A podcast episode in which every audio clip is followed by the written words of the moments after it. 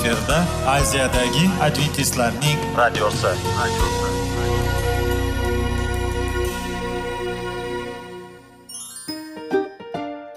Assalomu alaykum aziz radio tinglovchilar. Sog'liq daqiqasi rubrikasiga xush kelibsiz. Zero tananing sog'lom bo'lishi va uning kasalliklardan saqlash har bir insonning burchi hisoblanadi. Inson uchun bebaho boylik bu sog'liq salomatlikdir. Uni asrash esa har birimizga omonat qilib berilgan. Shuning uchun ham inson o'z sog'lig'ini ehtiyot qilishi va ajib amallardan hisoblanadi. Dono xalqimiz sog'liq tuman boylik deb bejiz aytmagan. Aql idroq sohibi bo'lgan inson o'z hayotini qadrlashi lozim bo'ladi. Hozirgi kunda qanchalik dori darmonlar ko'paymasin tibbiy muassa sifati shifokorlar vasiyasi tibbiy texnika yaxshilanmasin. Agar insonning o'z salomatligi haqida qayg'urmasa kutilgan natijaga erishib bo'lmaydi va biz sizlarga bizning dasturimizga xush kelibsiz deymiz.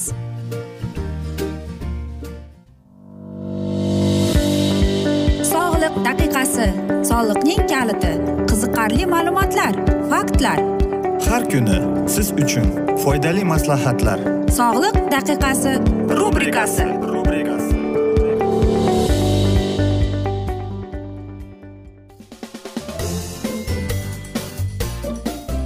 assalomu alaykum aziz radio tinglovchilar. Dasturimizga xush kelibsiz va biz sizlar bilan tana va sog'liq degan dasturda xushvaqt bo'ling deb aytamiz. Va bugungi bizning dasturimizning mavzusi o'pka. Albatta biz aytamizki o'pkani biz hamma narsasini bilamiz deb. Ammo lekin uning anatomiyasi va u bizning organizmimizda qanday usullarni qiladi biz bilmaymiz. Albatta o'pka nafas olish tizimining organlari bo'lib bizni havoga olib chiqamiz. Va biz uni chiqaramiz.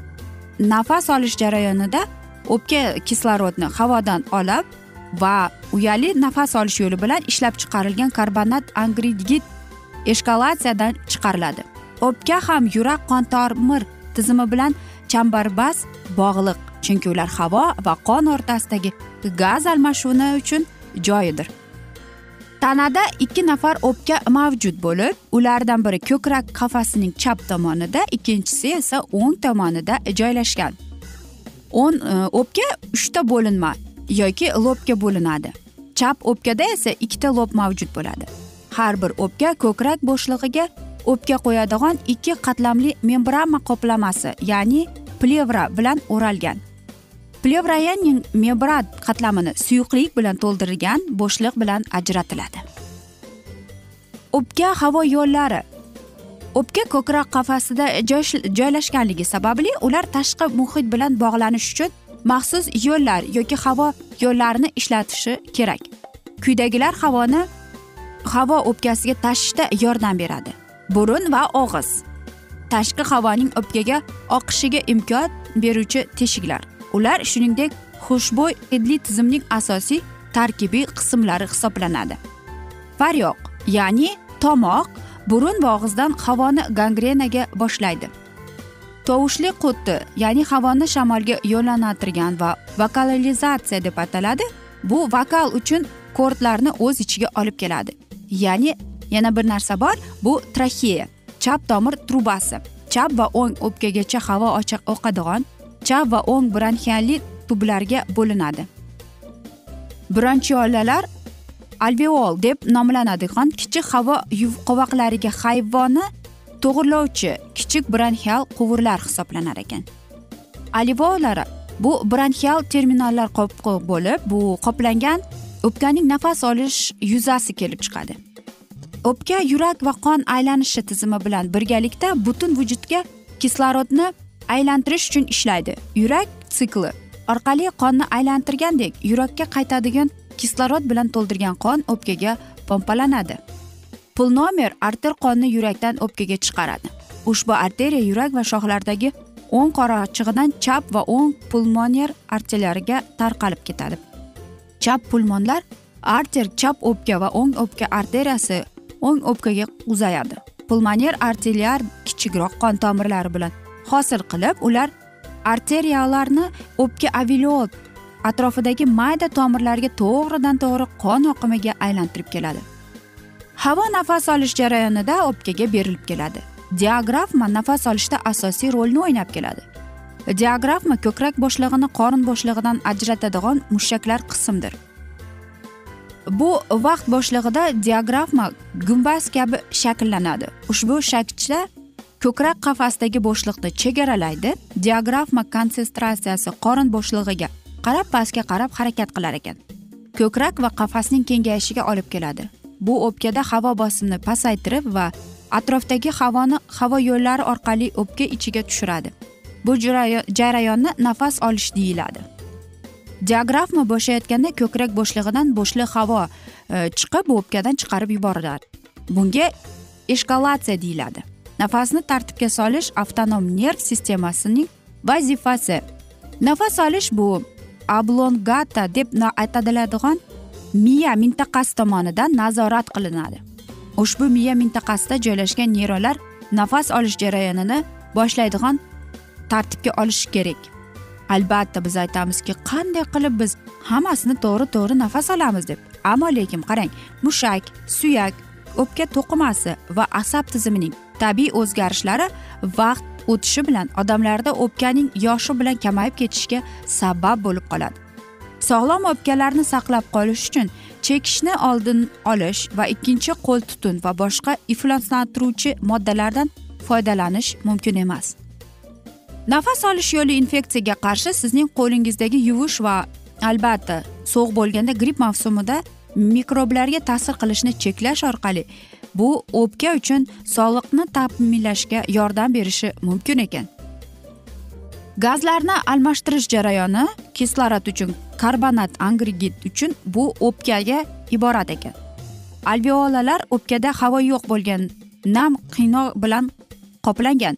Kislorod ingichka epitetsiyani atrofdagi mayda qondagi qonga tarqatiladi. Qo'polcha qilib aytganda yoki oddiy so'z bilan aytganda biz nafas olganimizda biz qonimizga kislorod berib va albatta nafas olamiz ekan. Kislorodli boy qon yurakka pulmonar ya'ni tomirlar orqali qaytariladi. Karbonat dioksidin eshkalatsiyadan o'pkadan chiqarib tashlaydi ekan. Va yakunda aytmoqchimizki havo hozir og'ir ifloslangan ya'ni yaponiyada yirik shaharlarda mana shunday mehmonxonalar borki ular havoni tozalangan va xushbo'y oladigan nafas maxsus mehmonxonalar bor ekan. Aziz do'stlar afsuski mana shunday asnoda biz bugungi dasturimizni yakunlab qolamiz chunki dasturimizga vaqt birozgina chetlatilgani sababli. Ammo lekin keyingi dasturda albatta mana shu mavzuni yana o'qib eshittiramiz va sizlarda savollar tug'ilgan bo'lsa biz sizlarni salomat klub internet saytimizga taklif qilib qolamiz. Va biz umid qilamizki siz bizni tark etmaysiz deb chunki oldinda bundanda qiziq va foydali dasturlar kutib kelmoqda. Va biz sizlarga sog'lom vaqtli bo'ling deb xayrlashib qolamiz.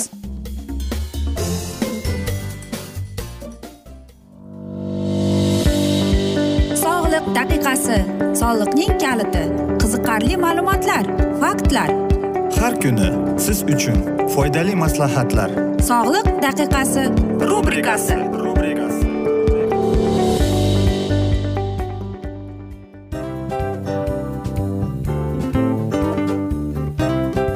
mana ha hayotda hamma narsaning yaxshi narsalar tugaydi va yakunlaydi degandek bizning dasturimizga ham yakun keldi. O'ylaymanki bizning dasturimiz sizga foydali bo'ldi deb aziz radio tinglovchimiz. Va siz o'zingiz uchun kerakli xulosalar kerakli maslahatlar olib oldingiz. Aziz radio tinglovchimiz biz bilan qoling va keyingi dasturlarimiz albatta undanda qiziqroq bo'ladi. Mana shu alfozda sizlar bilan xayrlashib qolaman.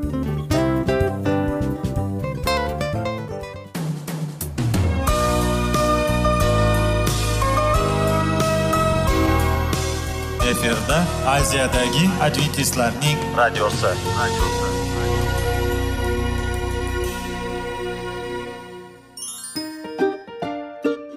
Assalomu alaykum aziz radio tinglovchilarimiz. Dil izhori dasturimizga xush kelibsiz. Pul insonni baxtli qiladimi? Albatta yo'q. Sog'liqchi. Albatta bo'lishi mumkindir. Lekin olimlar shuni isbotlashdiki to'liq va mukammal munosabatlar insonlarni baxtli qilar ekan. Albatta biz hayot davomida biz yaqin insonlar bilan odamlar bilan aloqada bo'lamiz va ular bilan munosabatlarimiz qanday kechadi qanday tuziladi? Yigit va qiz er va xotin ota ona va farzandlar va yaqin insonlar bilan. Balkim hozirgi vaqtda kimnidir hayoti yoki munosabatlari buzilyapti. Va bizning dasturlarimiz ularga yordam bo'ladi deb. Va oldinda sizlarni qiziqarli intervyular va mavzular kutyapti va biz umid qilamizki siz biz bilan qolasiz deb.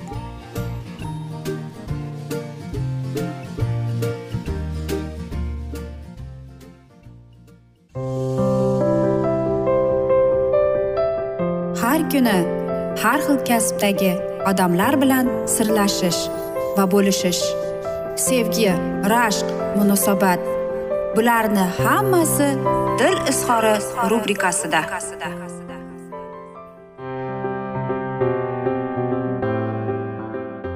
Assalomu alaykum aziz radio tinglovchilar. Dasturimizga xush kelibsiz va biz sizlar bilan erkaklar marsdan ayollar veneradan degan dasturni o'qib eshittirishni boshlagan edik. Va bugungi bizning dasturimizning mavzusi ayollarimizga judayam aytaylik foydali bo'ladi deb umid qilaman. Va bugungi mavzuyimizni erkaklarning siri nimada deb nomlanadi. Erkaklarning sirini bilish nima uchun kerak dersiz? Birinchidan sir degan so'zning o'zi hamma narsani jalb qilib kelgan. Ikkinchidan esa ularning ko'ngliga yo'l topish uchun albatta kerak. Lekin bu sirni bilish uchun avvalo biz ayollar bilan munosabatda qanday xatolarga yo'l qo'yishimiz bilib olsak foydadan xoli bo'lmaydi deb umid qilardim. Va qarangki munosabatlarning e, uchta xatosi bor ekan.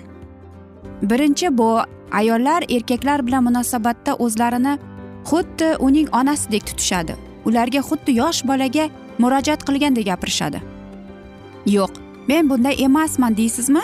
Unda aytingchi turmush o'rtog'ingizga biror marta bo'lsa ham azizim hamma narsangizni oldingizmi? Yoki dadasi ko'chada sovuq sovqotib qolasiz. Qalinroq kiyining degmaganmisiz bu gaplar sizga tanish bo'lsa bu xatoga siz ham yo'l qo'yishingizni tan oling. Bu xato emas. Odatiy hol e'tibor deysizmi? E'tibor. Yaxshi albatta lekin bu o'rinda xatomiz nimadaligini bilasizmi? Biz erkaklar bilan yosh bolaga murojaat qilganda gaplashamiz. Ular o'zlarini haqida qayg'ura olmaydi deb hisoblaymiz. Go'yoki ularni o'zlari hech nima qila olmaydi va hamisha bizning yordamimizga muhtoj bo'ladi deb bilamiz. Lekin bu bilan erkak o'zini noshud sezishini mumkinligini o'ylab ko'rmasligimiz mana xatoyimiz qayerda. Unutmang erkak o'ziga ishga nisbatan qanoat hosil qilmasa siz undan o'zingizga istagandek mehr kutmang. Erkakka yosh bolaga qaragandek murojaat qilsangiz u ham o'zini xuddi shunday tuta boshlaydi. Agar eringiz hammasini maqta mustaqil hal etishga qodirligiga ishonsangiz u albatta shunday bo'ladi. Bunda aynan sizning ishonchingiz kuchga beradi. Ayol o'zini erkak uchun qurbon qilishga qanday bo'ladi? Masalan hayotda eriga yoqmagan qarindoshlari yoki dugonalardan voz kechganlari yo'q emas. Erimning orzusi amalga oshsin deb o'z orzularidan bahridan o'tadiganlar ham yetarlicha topiladi. Lekin bir gapni unutmang. O'zingizni qurbon qilaversangiz o'zingizni kamroq yaxshi ko'ra olasiz deb. O'zingizga nisbatan hurmatingiz susaysa juftingiz ham sizdan o'rnak oladi.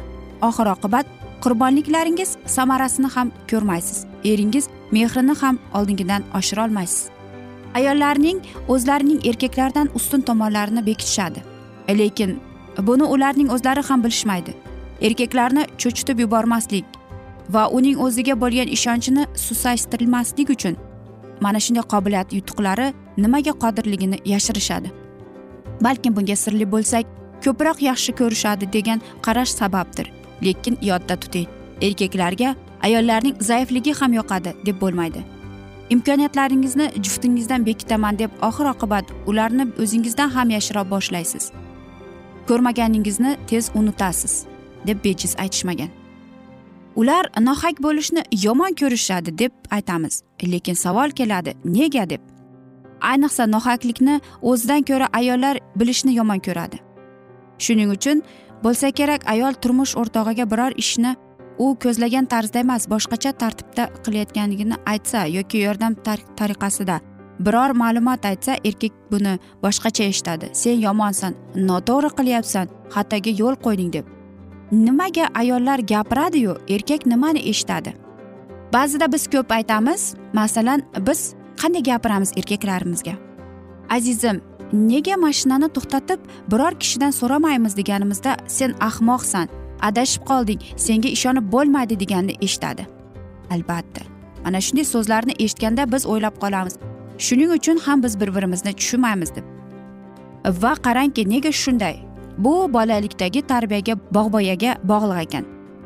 Masalan ota biroz muddatga xizmat safariga ketayotgan bo'lsa o'g'lini chaqirib hattoki kichkina bo'lsa ham o'g'lim safardaligimda sen uyning erkagi sifatida oyingga qarab tur deydi.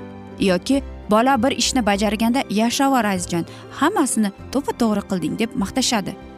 Jajji bolakay esa shunday xulosaga keladi. Yaxshi bo'lish uchun hammasini to'g'ri qilishim kerak deb. Shuning uchun ayol erkakni biror kishi ishni qilishga chaqirsa u agressiv javob qaytaradi. Yechim. Erkaklarning g'ashiga tegadigan so'zlarni qo'llashdan qoching. Masalan mashinani e, ketayotib eringiz yo'ldan adashsa uni ayblamang koymang tanqid qilmang. Shunchaki to'g'rilaringizni ayting.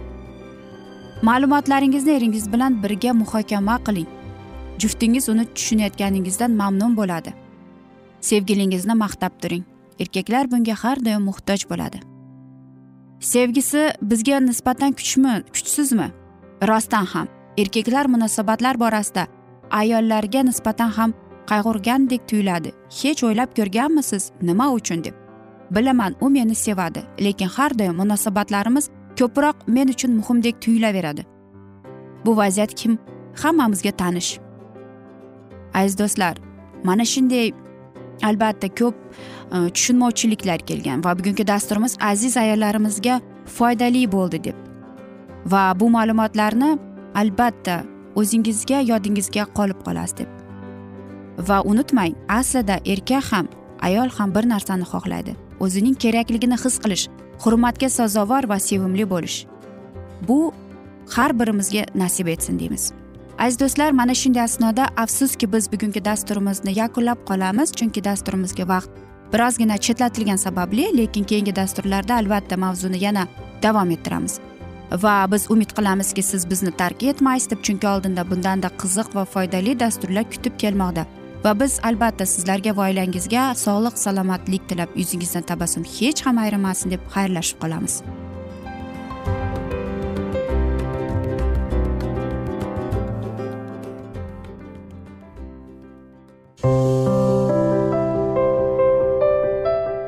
Har kuni har xil kasbdagi odamlar bilan sirlashish va bo'lishish sevgi rashq munosabat bularni hammasi dil izhori rubrikasida.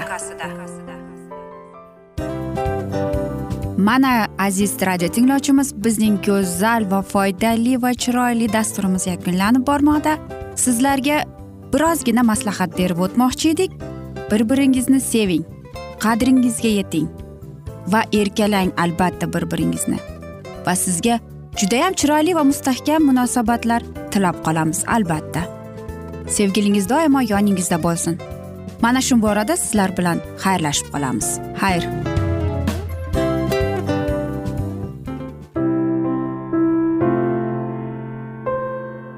Hayotning noni.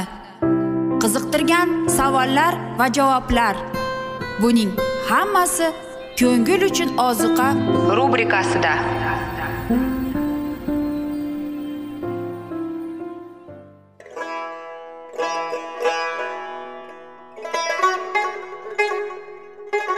Assalomu alaykum aziz radio tinglovchilarimiz. Ko'ngil uchun oziqa rubrikasida xush kelibsiz deymiz. Siz haqiqatni izlayapsizmi? Olamnimi? Umidnimi? Siz kimga murojaat qilmoqchisiz? Odamlar ko'pincha siyosat kuchiga tayanadilar. Dunyo iqtisodiyoti holati tobora chuqurlashib bormoqda. Tabiiy ofatlar va texnogen halokatlar minglab insonlarning hayotini olib ketib juda katta zarar yetkazmoqda. Sizga abadiy hayot inomini hadya qiluvchi va hayotingizni tubdan o'zgartiruvchi haqiqatni izlab toping. Xudo haqidagi haqiqat uning kalomida mujassamlashgan. Kimki bu haqiqatni butun qalbi bilan izlasa albatta unga yetishadi. Bu sevgi xudoning tarixidir. Hayotingizda yoki sizning yon atrofingizdagi olamda nimalar yuz berishidan qat'iy nazar? Siz ertagi kunga buyuk umid va ishonch hosil qilishingiz mumkin. Hozirda xudo sizga taklif qilayotgan umid ishonchga o'z qalbingizni oching va sizni qiziqtirayotgan mavzularni savollaringizga javoblaringizni topib olasiz deb umid qilamiz. Biz bilan qoling.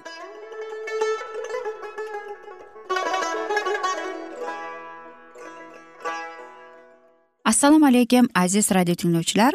Dasturimizga xush kelibsiz va biz sizlar bilan ulug' kurash degan kitobni o'qib eshittirishni boshlagan edik. Va bugungi bizning dasturimizning mavzusi amalga oshgan bashoratlar deb nomlanadi. bir ming sakkiz yuz qirq to'rtinchi yilning bahori masihning olamga kelishi bashorat qilingan vaqt ortda qoldi. Uning kelishini intizorlik bilan kutgan ko'plab masihiylar ma'lum vaqt ikkilanib qat'iyatsizlik holatiga tushib qoladilar. Masihning olamga qaytishini umid bilan kutayotgan odamlarni dunyo aldov qurboni deb hisoblardi. Biroq ular uchun xudoning kalomi hamon yupanch taskin topishin manbai bo'lib qolaverardi. Ko'pchilik o'z e'tiqodining asosini sinchiqlab tekshirib kalomni o'rganishni davom ettirgan holda yorqin nurga ega bo'lish maqsadida har bir bashoratni qayta qayta o'qib chiqardilar. Tasdiq topgan muqaddas kitob guvohlari ular uchun ma'lum va ishonchli dalil edi. Bashorat va belgilar hech bir xatosiz masihning tez orada kelishini ko'rsatib turardi. Masihiylik oqimi tiklashda namoyon bo'lgan. Gunohkorlarning iymonga kelishidagi xudoning o'zgacha marhamatlari va bu xabar rabbiy tomonidan yuborilganligini tasdiqlardi. Garchi o'sha paytda imonlilar ularni mahv etgan umidsizlikka tushish holatini tushuntirib berolmagan bo'lsalarda ammo ana shu davr mobaynida xudo boshchilik qilib ularni boshqarib borganini masihiylar his etdilar. Masihiyning ikkinchi bor olamga qaytishga oid bashoratlar va shu bilan bog'liq bo'lgan o'gitlar aytadigan muqaddas kitobda qoldirilgan. Hamda hozirgacha ikkilanish qat'iyatsizlik holatida bo'lganlar uchun mo'ljallangan. Pand nasihatlar shundaylarni qo'llab quvvatlagan holda hozirda tushunish qiyin bo'lgan. Ammo kelajakda albatta ravshan bo'lishiga ishonch bilan qarashga sabr toqat bilan shu kunni kutishga ularni da'vat etadi. Ushbu barcha payg'ambar habaquq kitobidan ikkinchi bob birinchi oyatidan to'rtinchi oyatigacha u shunday yozilgan. Men minoraga chiqib olaman. Shahar devoridan olislarga qarab egamning javobini kutaman. Shikoyatimga javob berganda unga nima aytishimni o'ylab ko'raman. Egamiz menga shunday javob berdi. Senga ayon qilgan so'zlarimni tosh lavlariga aniq qilib yoz. Yugurib ketayotgan odam uni bir qarashdayoq o'qiy oladigan bo'lsin. Bashorat belgilangan vaqtda amalga oshadi. O'sha vaqt hademay yetib keladi. Bashorat ro'yobga chiqadi. Bordi u kechadigan bo'lsa sabr qilgin. U albatta bajo bo'ladi. Kech qolmaydi. To'g'ri yo'ldan yurmaganlar halok bo'ladi. Solihlar esa xudoga bo'lgan sadoqatli tufayli tirik qoladi. Egamizning senga ayon qilgan so'zlarini tosh lavlarga aniq qilib yoz yugurib ketayotgan odam uni bir qarashdayoq o'qiy oladigan bo'lsin degan amri doniyor va vahiy kitoblaridagi vahiy illyustratsiyasi uchun bashoratlar sxemasini to'zib chiqishga bir ming sakkiz yuz qirq ikkinchi yili charlz finchni undadi.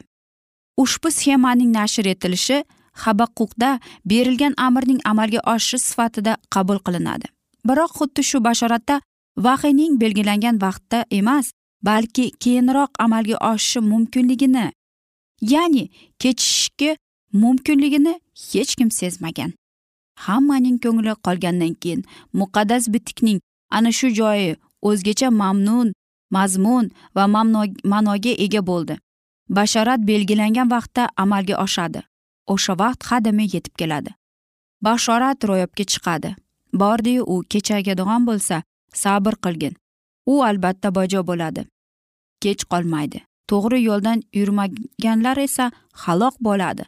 Solihlar esa xudoga bo'lgan sadoqati tufayli tirik qoladi. Hisqiyob bashoratlardan olingan ba'zi bir joylar solihlar uchun shuningdek kuch va tasqin manbasi bo'lgan. Egamiz menga o'z so'zini ayon qildi. Ey inson isroil yurtida aytilayotgan kunlar o'tyapti. Bashoratlar esa puchga chiqdi degan maqolni eshitgansan. Endi xalqim oldiga borib ayt. Egamiz rabbiy shunday demoqda. Men bu maqolni yo'q qilib yuboraman. Isroilda uni aytmaydigan bo'lishadi. Yana ularga bashoratlar bajo bo'ladigan kunlar yaqinlashib qoldi deb ayt. Endi isroil yurtida soxta bashoratlaru yolg'on karomatlar aytilmaydi. Ammo men egangiz sizlarga gapiryapman. Aytgan so'zlarim amalga oshadi kechikmaydi. Ey isyonkor xalq sizning kuningizda men aytganlarimni bajo keltiraman deb aytmoqda. Egamiz rabbiy ey inson isroil xalqi sen aytgan bashoratlar uzoq kelajakka taalluqli deb o'ylayapti. Shuning uchun ularga borib ayt egamiz rabbiy shunday demoqda. Aytgan birorta so'zim kechikmaydi hammasi amalga oshadi. Egamiz rabbiy kalomi shukur ibtido va imtihonni biladigan o'sha zot ming asrlar oldin ularning ixlosi qaytishi mumkinligini bilib ularga ishonch va umid tasallisi yuborilganiga ishonib egamizning kelishini kutayotganlar xursand bo'lib ketdilar. Agar sabr bilan kutish va xudoning kalomiga ishonishga da'vat etuvchi muqaddas bitikning ushbu matnlari bo'lmaganda edi. Unda ularning ishonchi sinov paytidagi eng o'sha mudhish vaqtda bardosh berolmagan bo'lar edi. Aziz do'stlar mana shunday asnoda biz bugungi dasturimizni yakunlab qolamiz. Chunki afsuski bizning dasturimizga vaqt birozgina chetlatilgani sababli. Ammo lekin aziz do'stlar sizlarda savollar tug'ilgan bo'lsa biz sizlarni adventis tochka ru internet saytimizga taklif qilib qolamiz. Va albatta biz sizlarga va yaqinlaringizga tinchlik totuvlik va albatta sog'lik salomatlik tilagan holda o'zingizni ehtiyot qiling deb xayrlashib qolamiz.